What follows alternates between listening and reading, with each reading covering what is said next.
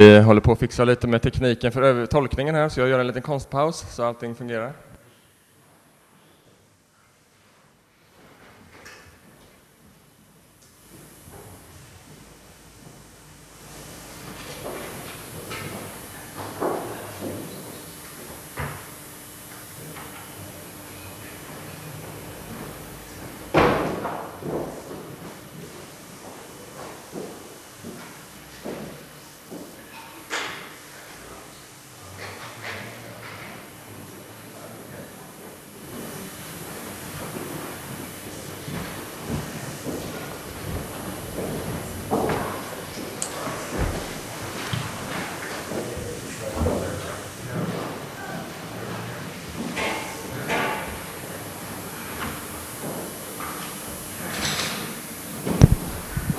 Ja, vi är familj, så då får det ju, gör det ingenting om man får ta lite konstpauser ibland och så här, utan det är familj som möts kring eh, han som är vårt centrum, Jesus Kristus. Eh, och eh, så underbar lovsång att få landa i inför predikan om Jesus, strong and kind.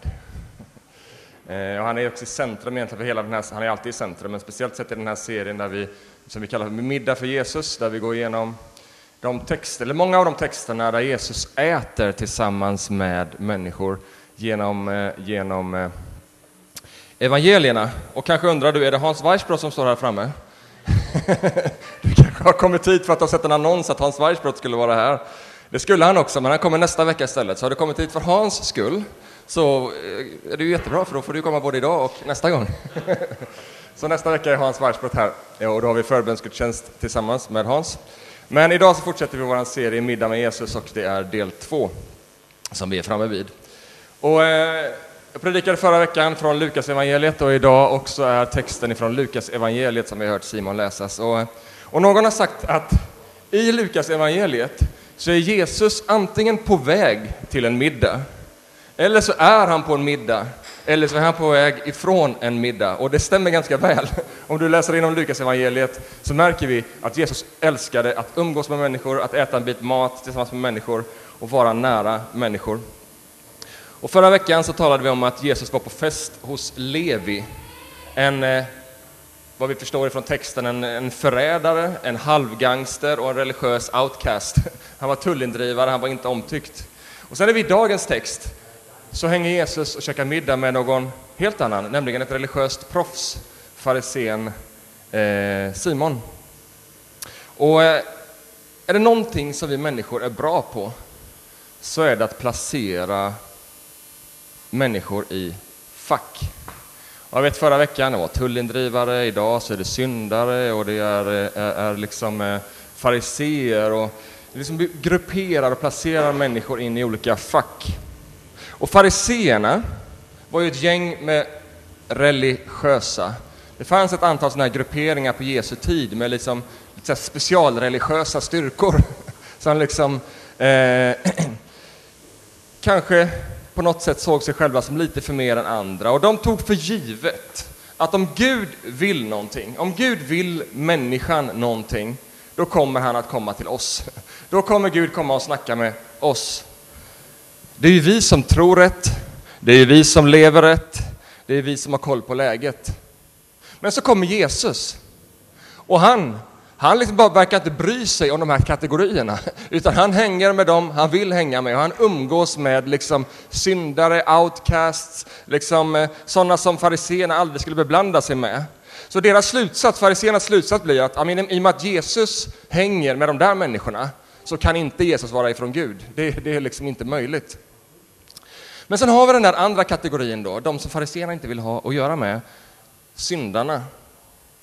De som inte passade in i de religiösas mallar och inte i samhällets mallar heller kanske för det, den sakens skull. Och de, tror jag, hade aldrig i sin vildaste fantasi vågat drömma om att Gud skulle göra sig besväret att komma till dem.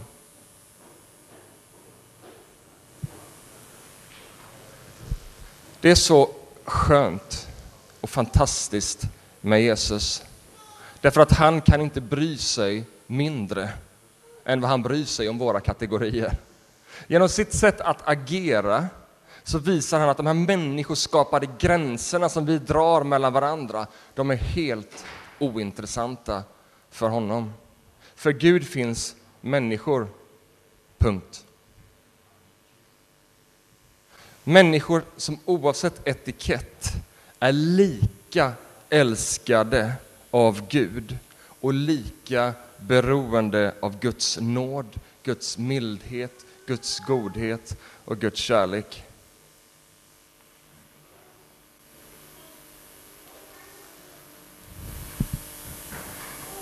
Jesu fokus på de svaga och utsatta, det är ändå liksom något som kännetecknar när vi läser igenom evangelierna. Det är hans fokus och hjärta för de utsatta, för de som kallas för syndare i evangelietexten. De som inte passar in i de religiösa mallar. Är det något som, liksom det där Jesus verkligen vi kan se, det är där han trivs och rör sig. Och varför gör han det? Jo, det är för att ge tillbaka det människovärde som tagits ifrån dem. Och vet du vad? Du är inte den etikett som andra människor har satt på dig.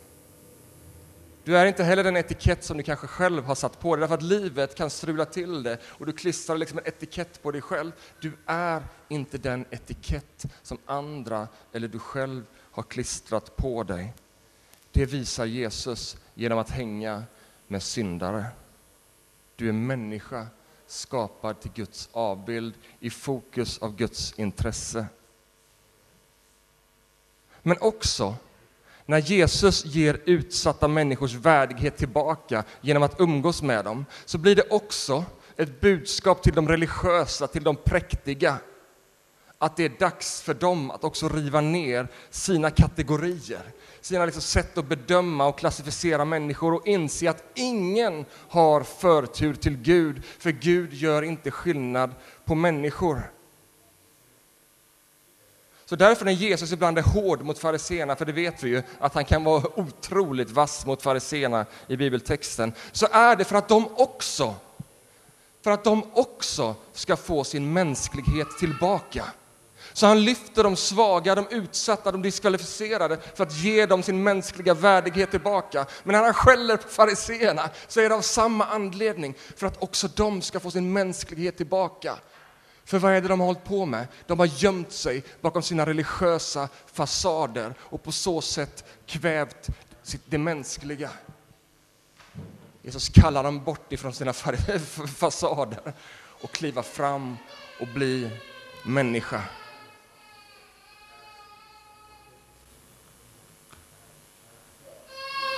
I dagens text, som Simon har läst för oss, som handlar just om Simon, men inte om den Simon, utan en annan Simon, en farisé. Och Jesus var ju ofta, som jag redan har sagt här, liksom, i argumentation med fariseer och liksom, det kan vara hårda ordväxlingar för att avslöja deras fasader. Inte för att han var arg på dem på det sättet, utan för att han ville avslöja deras, deras falska fasader. Men också för att det fanns nog ett visst mått av ilska. När han såg hur de trampade på de utsatta och på de svaga, då fanns det en reaktion. Lägg av, ni är inte bättre än dem. Så Jesus var ofta i argumentation med dem, men idag så är han på middag hos Simon. Vi vet inte riktigt varför, vi vet inte riktigt hur det har gått till, det står inte i texten. Kanske var det så att Simon faktiskt var nyfiken på Jesus. Trots allt så var det många fariseer och skriftlärda som var intresserade av, av, av Jesus och vi vet att många av dem också kom till tro på Jesus. Kanske var det därför. Eller så kanske det var för att han ville hitta någonting att sätta dit Jesus för. Om jag bara bjuder hem honom så kommer han säkert säga någonting som jag liksom kan sätta dit honom för. Motiven är oklara. Men troligtvis så är det så att Jesus har undervisat i synagogan och eh, på något sätt så verkar det när man läser och förstår historia så var det liksom vanligt att man bjöd hem den som hade undervisat, liksom, den som hade föreläst i synagogan, kanske på middag efteråt, eh, så som man kan bjuda hem varandra idag. Och kanske var det så som, som Jesus hade hamnat hemma hos, hos Simon.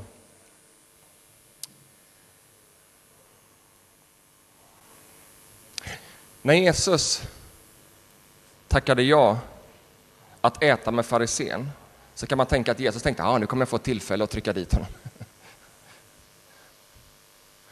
När Jesus tackade ja för att äta hemma hos Simon så var det, tror jag, vare sig av artighet bara eller en möjlighet att vinna en argumentation mot en farisé.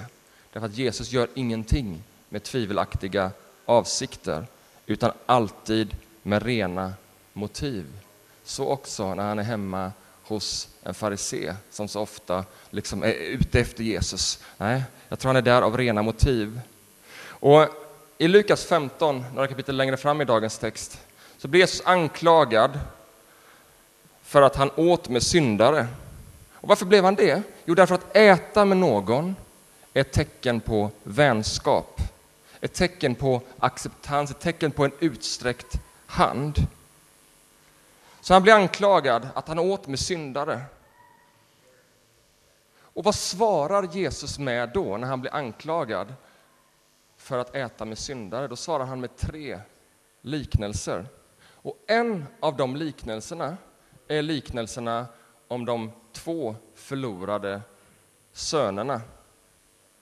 Vi kallar den ibland för eh, liknelsen om den förlorade sonen. Men mer sant i berättelsen är att det är liknelsen om de två förlorade sönerna. Och ni kan kanske storyn. Två bröder. En ber om arvet i förtid för att lämna sin far och sin familj.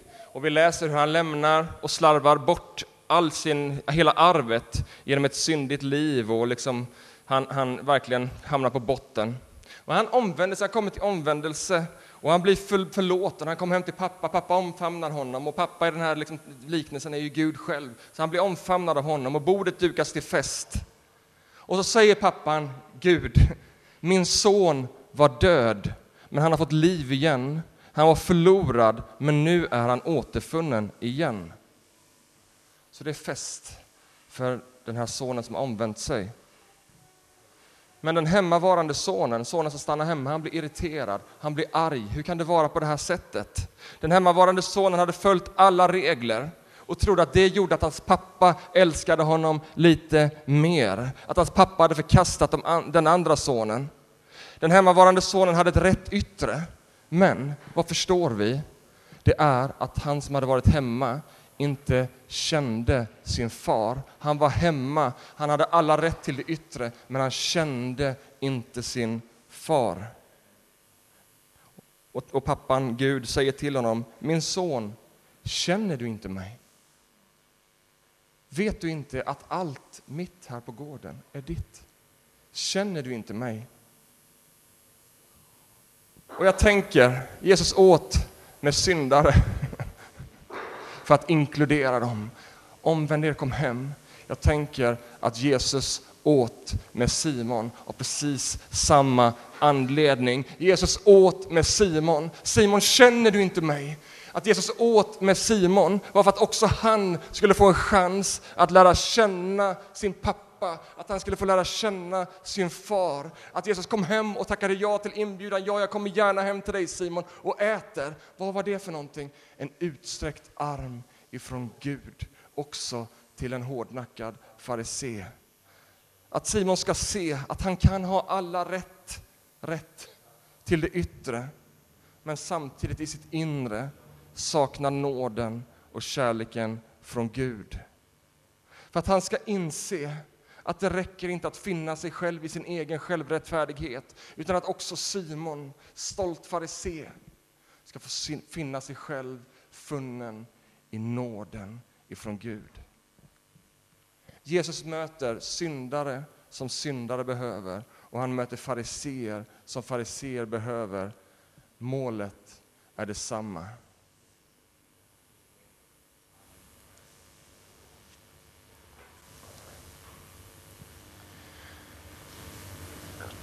Och så hörde vi texten att de ligger till bords finare måltider så låg man till bords.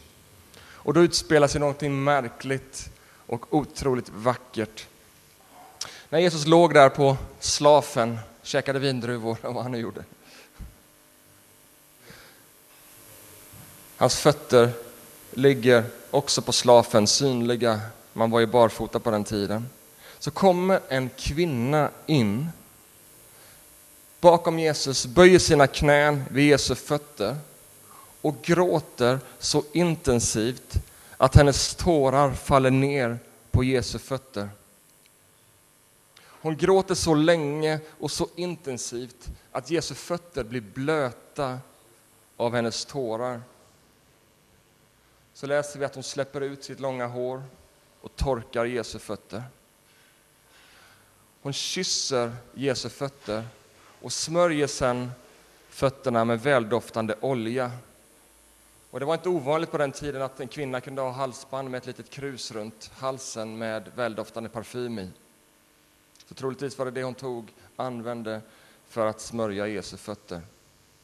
Det är så mycket som händer här i det här sammanhanget. Kvinnan beskrivs som en synderska. Alltså det var så samtiden såg på henne. Vi får inte veta mer, vi känner inte den här kvinnans livsberättelse. Men det fanns många orsaker som gjorde att samtiden kunde klassificera en person som syndare. Vilket yrke man hade valt, det fanns yrke som ansågs vara syndiga. Etnicitet, det fanns folkslag som ansågs vara syndiga. Det fanns andra livsval, omoral och många olika saker som gjorde att vi kunde klassas som syndare.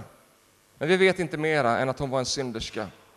Och det står att kvinnan hade hört att Jesus var i Simons hus. Alltså på något sätt säger det mig att hon sökte efter Jesus. Hon hade frågat sig fram, är det någon som vet var Jesus är någonstans? Hon ville vara nära honom, hon ville komma dit där han var.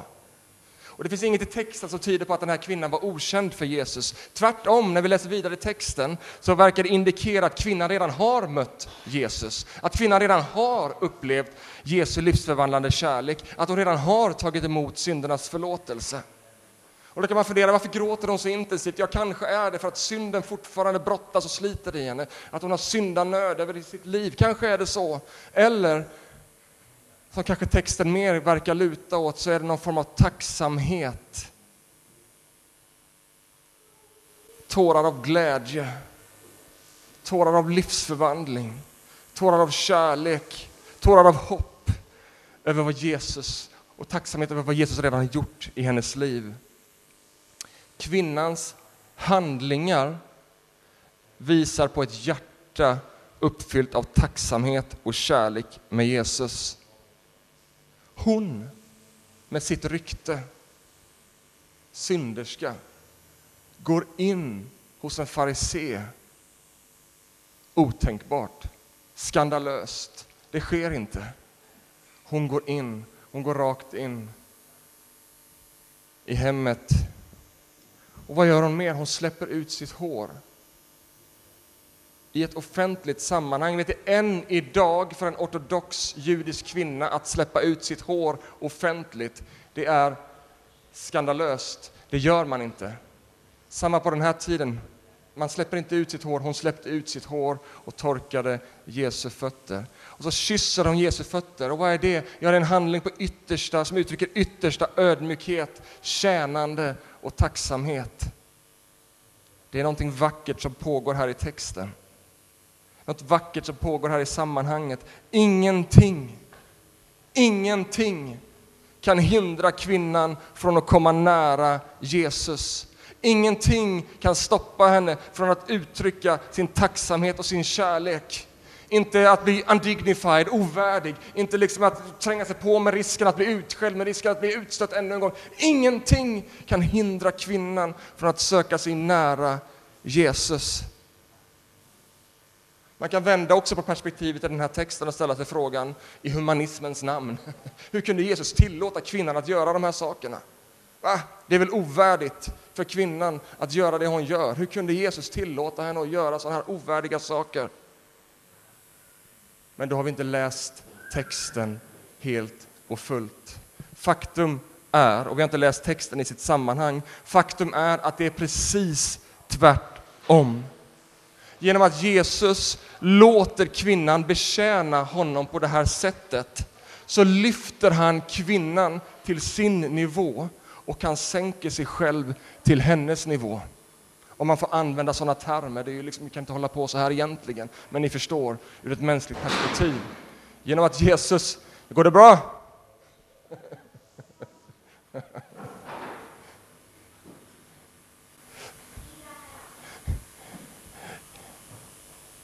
Det är därför som Simon inte förfäras över kvinnans beteende. Inte alls. Men däremot förfäras han över Jesu beteende. Att Jesus tillåter henne att göra det hon gör. Därför säger Jesus i vers 39, när, eller står det i vers 39, när Simon, värden som var farisé, såg vad som hände så tänkte han för sig själv, om den här mannen verkligen var en profet så hade han förstått vad det här är för en slags kvinna som rör vid honom, en synderska. Han skulle aldrig tillåta det. Men Jesus, han valde hellre att lyfta kvinnan, att sätta henne fri från sin kategori, fri från sin synd, fri från sin etikett. Han valde det hellre än att själv vara med och spela i det här mänskliga religiösa systemet där han liksom ska agera enligt alla liksom rätt och fel. Nej, nej, nej, jag bryr mig inte. Jag vill lyfta kvinnan. Jag böjer mig till hennes nivå. Jag lyfter henne upp till min nivå. Kvinnan valde hellre ovärdighet i människors ögon bara hon fick vara nära Jesus, bara hon fick uttrycka sin kärlek till honom. Och faktum är att det som sker också i, liksom, inför allas ögon och inför Simon Farisens ögon och alla hans kompisar, det som sker är också en profetisk handling. Det är en predikan för både syndare och fariseer. Det är liksom som en dramatiserad predikan av hela liksom, de två förlorade sönerna, liknelsen, är ni med mig? Det utspelar sig här i rummet, kvinnan som var förlorad. Det var ute med henne i människors ögon. Hon är nu funnen i Gud. Hon har fått värdighet tillbaka. Och Simon, se vad som händer här. Du är som den hemmavarande sonen som inte känner pappa Gud, som inte fattar hur Gud ser på människor. Simon, du behöver inse att du sitter i samma båt och att också du själv behöver finna dig funnen i Gud och ge upp din egen självrättfärdighet och finna nåden som också befriar dig, som river dina fasader, som liksom gör dig till ett älskat barn. Det tragiska är i texten att Simon, hans hjärta hade blivit så hårt att han inte blev glad över en syndare som omvände sig. Han blev inte glad över en kvinna vars hopp var ute, som nu har hopp, fått hoppet tillbaka. Nej, han bara fortsatte att döma. Han var så upptagen av sin egen självrättfärdighet att han inte kunde förstå att Guds rättfärdighet är något som blir givet. Och för att inte budskapet ska gå miste det som händer i situationen så berättar Jesus ytterligare en liknelse om två personer som lånar pengar av en rik person. Så inför Simon och kvinnan och alla andra så berättar Jesus den här liknelsen. Och en lånar jättemycket pengar och en lånar jättelite pengar. Men båda lånar pengar. Och vad som händer är att den som har lånat ut pengar säger nej, vi struntar i, ni behöver inte betala tillbaka. Jag efterskänker hela skulden. Och så säger Jesus, vem tror ni älskar eh, lånegivaren mest? Den som har fått mycket efterskänkt eller den som har fått lite efterskänkt? Och Simon svarar, ja, jag gissar att det är den som har fått mycket efterskänkt. Ja, du gissar rätt, säger Jesus. Simon hade inte insett sitt behov av vare sig nåd eller förlåtelse. Därför hade han inte heller upplevt förlåtelsens kraft. Eftersom att han inte hade upplevt förlåtelsens kraft så hade han heller inte så, så föddes, föddes, det, föddes det heller inga gärningar, ingen kärlek, inga handlingar av kärlek i hans liv. Det fanns ingen konsekvens, därför att när vi får möta förlåtelsens kraft, när vi får möta kärleken i våra liv, då sker någonting i vår insida som väcker kärlek och tacksamhet. Så därför säger Jesus så här, Simon, när jag kom hit, jag kom med smutsiga fötter, jag har gått på dammiga gator, du gav mig inget vatten, att tvätta mina smutsiga fötter. Men Simon, hon. Simon, när jag kom, du hälsade mig inte ens välkommen med en hälsningskyss. Men hon. Simon, du smorde inte mitt huvud med olja. Men hon, hon tvättade mina fötter med sina tårar. Hon torkade mina fötter med sitt hår. Hon har kysst mina fötter utan uppehåll, säger Jesus, sedan hon kom. Och hon har smort mina fötter med väldoftande olja. Simon tittar på hennes liv och tittar sen på kvinnans liv. Ser du kvinnan, säger Jesus. En kvinna han normalt sett inte hade sett. Simon, rikta dina blickar mot den här kvinnan. Vad ser du i hennes liv? Och titta sen på ditt liv. Handlingarna visar på hjärtats tillstånd. Simon, han hade både värdighet i människors ögon, han hade vatten, han hade säkert en fin handduk och han hade liksom säkert allt som han behövde för, ett fint, för en fin fotvagning. Men han tänkte ens, inte ens tanken att tvätta Jesu fötter. Kvinnan, hon saknade både värdighet, vatten och handduk. Men hon hade ett hjärta som var berört av Jesus och kärleken finner vägar. Kvinnan hade fått mycket förlåtet.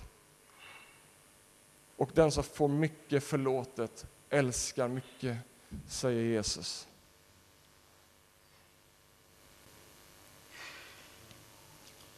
Och berättelsen börjar gå mot sitt slut. Och Jesus säger om kvinnan inför alla som är där. Hennes många synder är förlåtna, vilket hennes stora kärleksfullhet visar. Och det är här vi förstår att Jesus troligtvis har mött den här kvinnan tidigare. Att hon tidigare har fått sina synder förlåtna.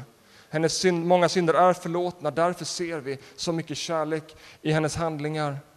Kvinnan hade varit en syndare, men blivit en lärjunge. En lärjunge, det är den som inser sin synd. Inte som är syndfri, inte som är perfekt, inte som liksom tror att det är det som är vägen, utan som har omvänt sig och börjat leva i nådens frihet. Därför finns det en så stor, säger Jesus, en så stor källa i kvinnans liv. Det kommer inte av henne själv, det kommer inte av hennes förträfflighet, det kommer av nåden som hon har mött. Tro uttryckt i kärleksfulla handlingar. Och jag tänker så här. Om tron i huvudsak blir en huvudkunskap så tror jag att vi löper risk att hamna snett. Om det bara är något som sker här uppe, min tro, en massa tankar och idéer, då tror jag det finns en risk att vi börjar tvivla på trons verklighet. Eller en annan risk att vi kanske hamnar i fariseernas dike och blir uppblåsta i all vår huvudkunskap. Simon saknade handlingarna som kommer av mötet med Jesu nåd och kärlek. Kvinnans tro syntes inte i vackra utläggningar och teoretiska resonemang, men den blir synlig i handlingar.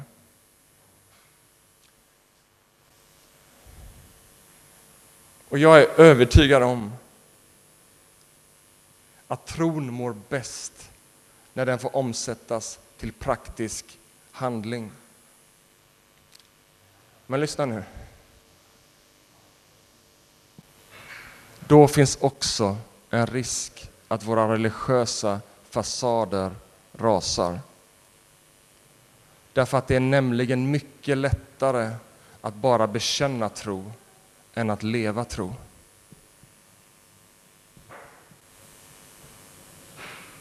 Men låt fasaderna rasa.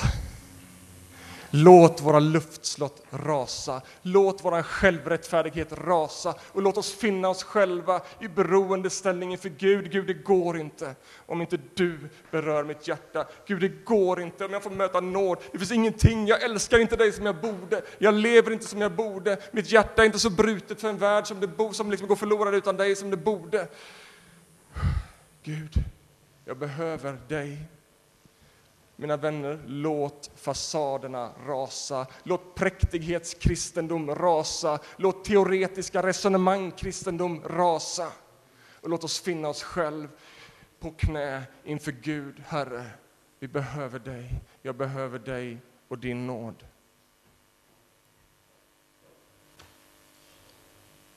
Vet du vad? Fariseer finns bara så länge tron blir mer teori än praktik. Det är svårt att vara farisé om du ska visa upp alla dina goda gärningar. Om hela ditt liv spelas upp. Det är svårt att vara farisé och stolt när då inser vi att vi alla sitter i samma båt, lika beroende av Guds nåd. Och där kan vi mötas, fariséer. Jag tror det är därför som Jesus river ner och bryr sig inte om de här kategorierna och gränserna. Därför att där behöver vi alla mötas, fariséer och tullindrivare, Svenssons och Perssons och alla möjliga pastorer och alla andra övriga syndare. Där behöver vi mötas och erkänna vårt, nåd, vårt behov av Guds nåd och vårt, vårt behov av hjälp. Vi behöver hjälp att leva ut vårt kristna liv.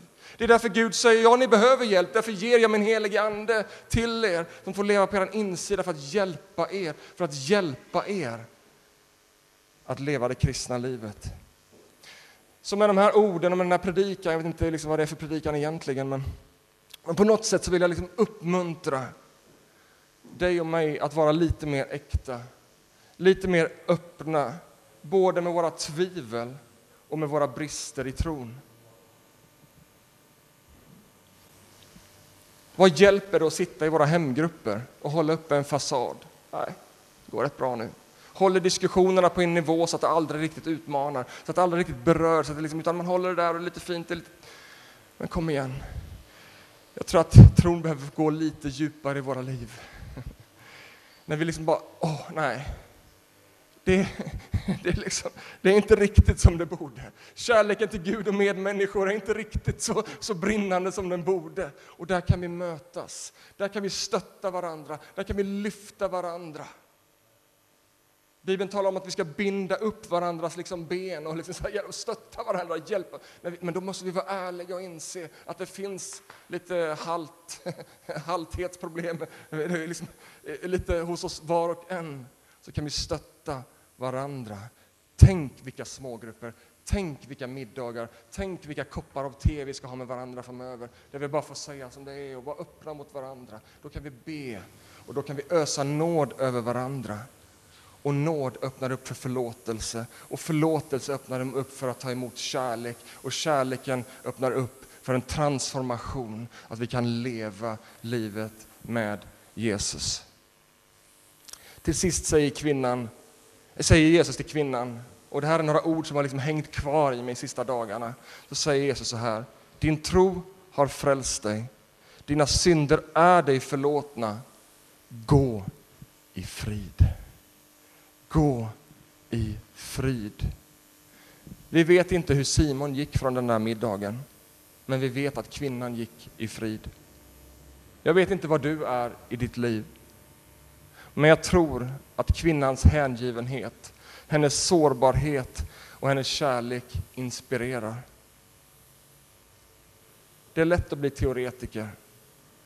Jag tror vi alla har varit med om perioder då kärleken och tron har svalnat. Kanske är det där just nu där du känner att ja, jag har förlorat den första kärleken. Jag har förlorat tacksamheten över vem Jesus är.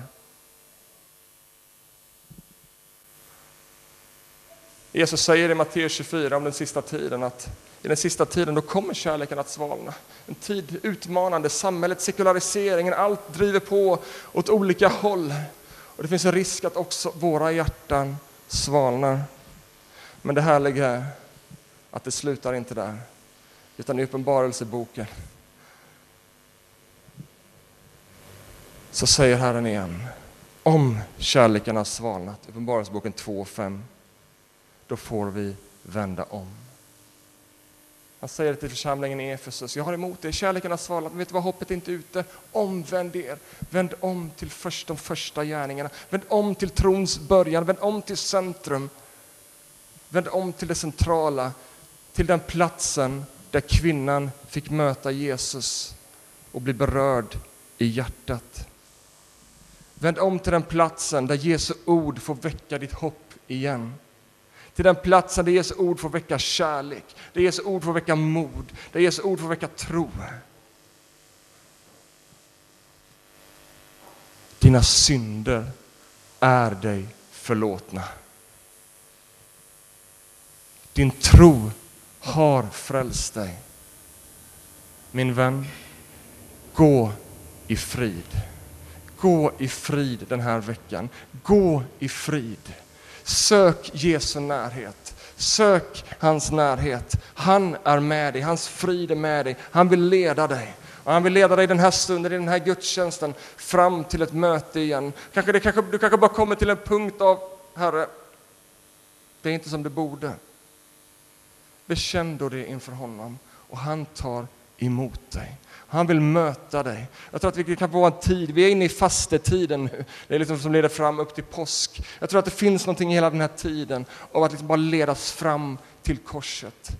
Att ledas fram till honom och att ledas fram till det han gör på korset, där han ger sitt liv i vårt ställe. Därför att vi i vår bristfälliga tro, vi i våra liv där liksom handlingarna inte alltid återspeglar vår tro som det borde, vi får ledas fram till korset och inse att det är hans rättfärdighet för oss som är grunden. Och där, i mötet med nåden, så kommer också saker börja väckas i, inom oss, där hans kärlek alltmer får bli synlig genom oss. Amen.